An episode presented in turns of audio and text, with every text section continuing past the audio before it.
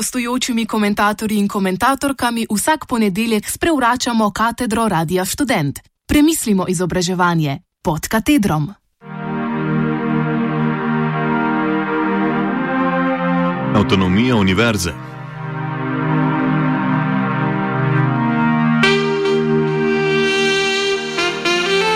Univerzitetno polje je oziroma naj bi bilo avtonomno kar pomeni, da si kot takšno postavlja lastna pravila delovanja. V resnici seveda ni čisto tako.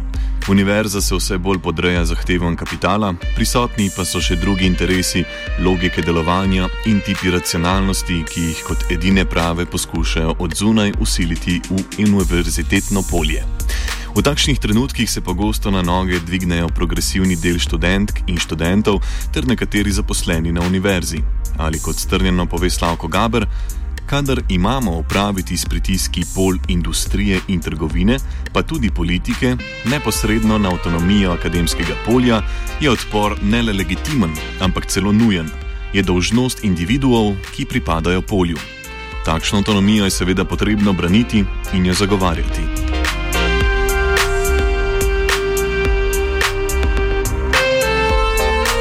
A popolnoma druga zgodba pa je na vrhu vseh treh slovenskih univerz. Rektori si namreč očitno avtonomijo predstavljajo nekoliko drugače. Tu izhajam iz čiste empirije, sklepam na podlagi dejanskega delovanja rektorjev. Če kar prejedemo na konkretne primere. V začetku prejšnjega leta se je rektor Ljubljanske univerze Ivan Svetlik samovoljno lotil sprememb statuta. Nov, predelan statut bi po 288. členu obstoječega statuta moral najprej na senat in tam pridobiti soglasje, da se ga pošlje v javno razpravo. A rektor je to suvereno pohodil in v javnost poslal predlog novega statuta, ki je bil problematičen v več točkah, ter je še bolj krepil moč in koncentriral oblast v rokah rektorja. Študentske pravice je hotel še bolj okrniti, fakultete pa hotel še bolj podrediti zahtevam trga. V javni razpravi je predlog doživel uničujoče kritike, tako da je bil umaknjen in zdaj na boljše čase najbrž čaka v kakšnem predalu.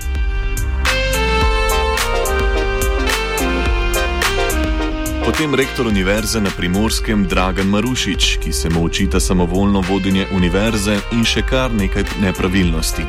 Ponovno izpostavimo samo eno. Očitajo mu nepravilnosti v postopku izvolitve na položaj rektorja, ki ga je zasedal že prejšnji mandat. Marušič je namreč zadnji trenutek pred rektorskimi volitvami zaposlil 27 novih ljudi in sicer za kratek čas in z le nekaj odstotno zaposlitvijo, to da dovolj, da so lahko dali svoj glas. Tako pri ljubljanskem rektorju kot pri primorskem bi našli še kar nekaj problematičnih praks, ki kažejo na slo po ohranitvi in krepitvi najmočnejše funkcije na univerzi.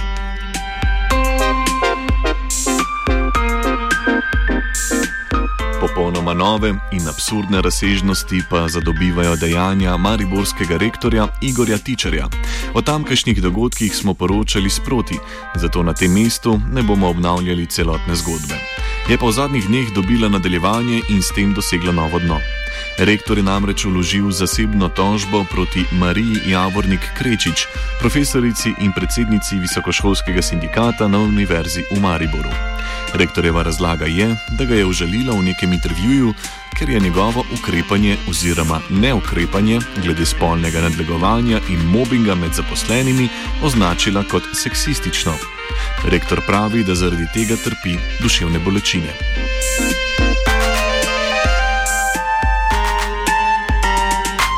Na tem mestu pa moramo vseeno malo obnoviti dogajanje. Rektor je na mesto, da bi sankcioniral storilca spornih dejanj Teodorja Lorenčiča, kar se je od njega pričakovalo in kar bi bilo v taki situaciji edino normalno dejanje, grozil z odpovedjo delovnega razmerja za dva zaposlena na univerzi, ki sta bili žrtvi spolnega nadlegovanja ter mobinga in ki sta Lorenčiča prijavila. Po novem na univerzi sicer ostajata, vendar ju je degradiral na delovni mesti, ki sta za deset plačnih razredov niže kot njuna prejšnja. Ko rektor ni sankcioniral Lorenčiča, je bil deležen pozivov naj svojo odločitev še enkrat dobro premisli ter nemudoma sankcionira svojega pomočnika. Ko je naredil pravzaprav popolno nasprotno, torej zagrozil, da bo odpustil žrtvi nasilja, pa so se začeli pozivi k njegovem odstopu.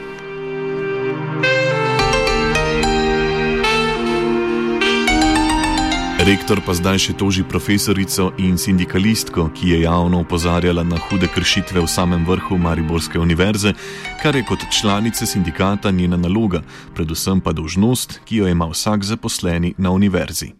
Rektor pa trpi duševne bolečine, medtem ko ga duševne bolečine, ki sta jih čutila in jih še čutita zaposlena na univerzi, ki sta bila nadlegovana strani rektorjeve desne roke, niso zanimale. Si lahko sploh stopnjo duševnih bolečin, ki so bile povzročene zaradi šoka, ko sta izvedela, da rektor razmišlja o prekinitvi njunega delovnega razmerja? Samo zato, ker sta prijavila tičerjevega tovariša Lorenčiča za vedenje, ki ne zgolj, da ne spada na univerzo, temveč nima mesta v družbi. Iz tega lahko sklepamo, da so bili vsi trije kaznovani, ker so opozorili na nepravilnosti in hude kršitve v rektoratu, ker niso bili tiho, ker niso ubogali.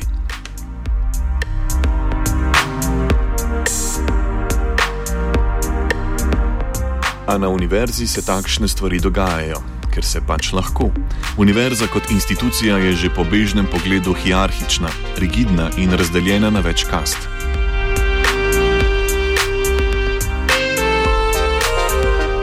Na dnu so mladi raziskovalci in asistenti, ki pogosto delajo v prekernih razmerjih, delajo nadure, upravljajo delo starejših kolegov, njihove plače pa so pogosto groteskno nizke, poleg tega pa so še pod konstantnim pritiskom. Namreč, takoj ko pride do kakšnih rezov v šolstvu, ker pri nas ni redkost, kar pri nas ni redkost, prej pravilo oziroma neka kontinuirana praksa, so omenjeni prvi, ki se poslovijo od svojega težko prigaranega delovnega mesta. Na vrhu piramide pa s prestižnimi nazivi oziroma nazivi, ki proizvajajo prestiž, kraljujejo okiteni redni profesori, dekani, člani rektoratov in seveda ter predvsem rektorji. So nekakšna aristokracija v času in deželi brez aristokracije. Imajo močan simbolni, kulturni in finančni kapital, gosto spleteno mrežo odnosov ter s tem tudi moč in oblast. So kasta nedotakljivih, na njihovih funkcijah jim je lagodno in jih nočejo izgubiti za nobeno ceno.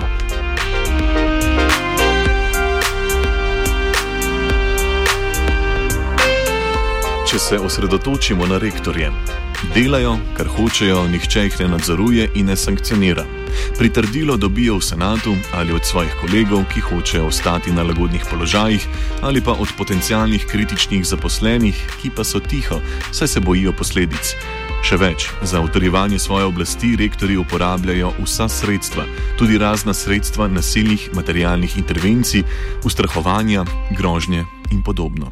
Na podlagi zadnjih dogodkov bi lahko sklenili, da vladajo strahovlado. Zanašajo se na njihovo lastno moč, s katero si podrejajo ostale zaposlene na univerzi in dominirajo celotnemu akademskemu polju. Avtonomijo razumejo kot svojo lastno, osebno avtonomijo, da delajo, kar hočejo. Brez posvetovanj s komorkoli, saj so vendarle rektori in torej nad vsemi. Brez nadzora in brez sankcij. Če nisi z njimi, si proti njim. Univerza, to sem jaz. Živela avtonomija univerze.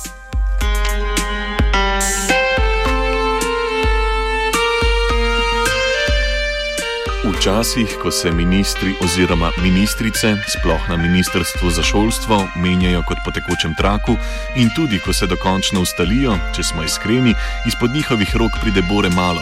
Pa še tisto je kdaj dobesedno polpismena packarija, naprimer odziv na skus, lahko, ja, to, odziv na skus, je funkcija rektorja zelo močna in vplivna. Nočemo moralizirati o pokvarjenem rektorju in njegovem sprevrženem pomočniku, ki sta izgubila moralni kompas in naredila nekaj absurdnih in zavržnih dejanj. Opozoriti hočemo na strukturni problem univerzitetnega polja, ki sploh omogoča takšne, dejansko nezamisljive in popolnoma nesprejemljive, patetične, sprevržene in nedoumljive prakse.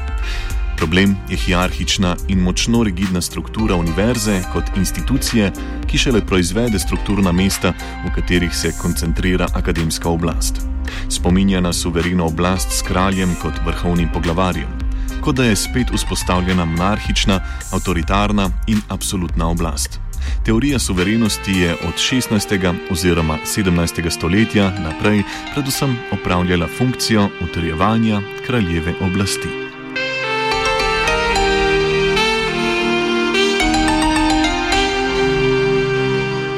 Kje so meje te suverene oblasti? Kdo jo omejuje, kontrolira in nadzoruje? Kdo jo sankcionira in disciplinira?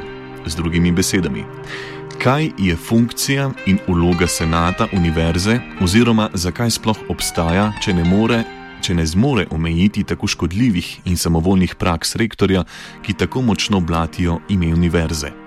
Pa pristojno ministrstvo za izobraževanje, znanost in šport. Razen nekaj praznih moralnih obsodb niso naredili nič konkretnega. Sporočili so nam, da so poleg obsodbe dejanja še zadolžili njihovo članico v upravnem odboru, da na sejah terja pojasnila drugih pristojnosti pa, pristojnosti pa da nimajo.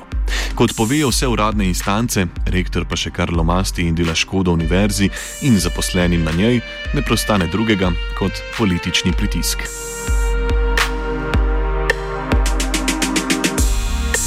Rektorjeva odločitev, da Lorenčiča obdrži med nedotakljivimi, je sprožila burne odzive študentskih organizacij, sindikatov, profesoric, profesorjev in javnosti. Pozivali so ga k premisleku svoje odločitve. Namesto sankcij proti Lorenčiču je močno degradiral žrtvi, zdaj pa s tožbo se spravlja še na profesorico in sindikalistko, ki je javno in glasno spregovorila o hudih kršitvah znotraj univerze. Čas je za politični pritisk dejanske akademske skupnosti in zahtevo po takojšnjem ter nepreklicnem odstopu rektorja.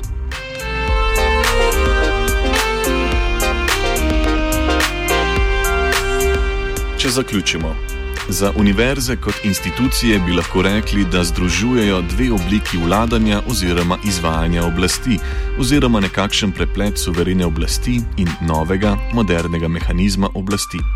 Foucault opiše slednjega kot mehanizem oblasti, ki se izvaja na telesih in na tem, kar delajo, omogoča, da se iz teles iztrga čas in delo. Tip oblasti, ki se s pomočjo nadzorovanja vrši neprenehoma. Ta nesuverena oblast je disciplinarna oblast. In če si od Foucaulta sposodimo še en stavek, oblast se uporablja in izvaja z organizacijo, podobno mreži. Ta mreža je prepredena skozi celotno univerzo, čez vse fakultete in oddelke, oziroma preči vsa telesa, ki delajo znotraj te institucije.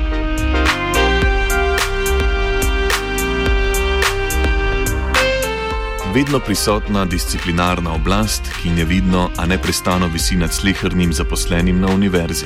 Ne pozabimo, suverena, rektorja, ki hitro in radikalno sankcionira zaposlene, ki opozorijo na nepravilnosti strani vodstva univerze. Oblast tako deluje avtomatično, kot neke vrste panoptikom in je potencialno vedno prisotna, zato se tudi subjekt začne obnašati, kot da je neprestano opazovan. Foucault pri metodoloških napotkih za raziskovanje oblasti upozori, da moramo biti pozorni predvsem na številna obrobna telesa, ki jih učinki oblasti konstituirajo kot podrejene vladane subjekte. To so seveda zaposleni na univerzi, nad katerimi visi konstantna grožnja z odpovedjo delovnega razmerja, nezmožnostjo napredovanja ter s tem manjše plače in tako dalje. To so vzvodi, preko katerih rektor utrjuje svojo moč in vlada. To pa seveda ne velja za njegove tovariše, ki lahko delajo, kar hočejo in vedo, da bodo dobili podporo in zaščito od kralja, rektorja.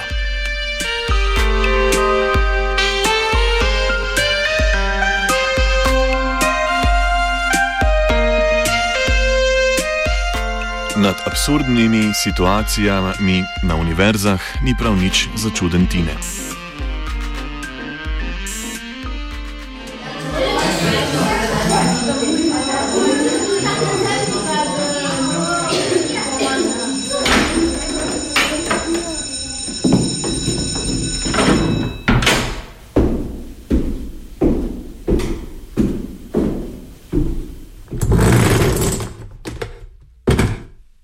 Gostujočimi komentatorji in komentatorkami vsak ponedeljek sprevračamo katedro Radia Student. Premislimo izobraževanje pod katedrom.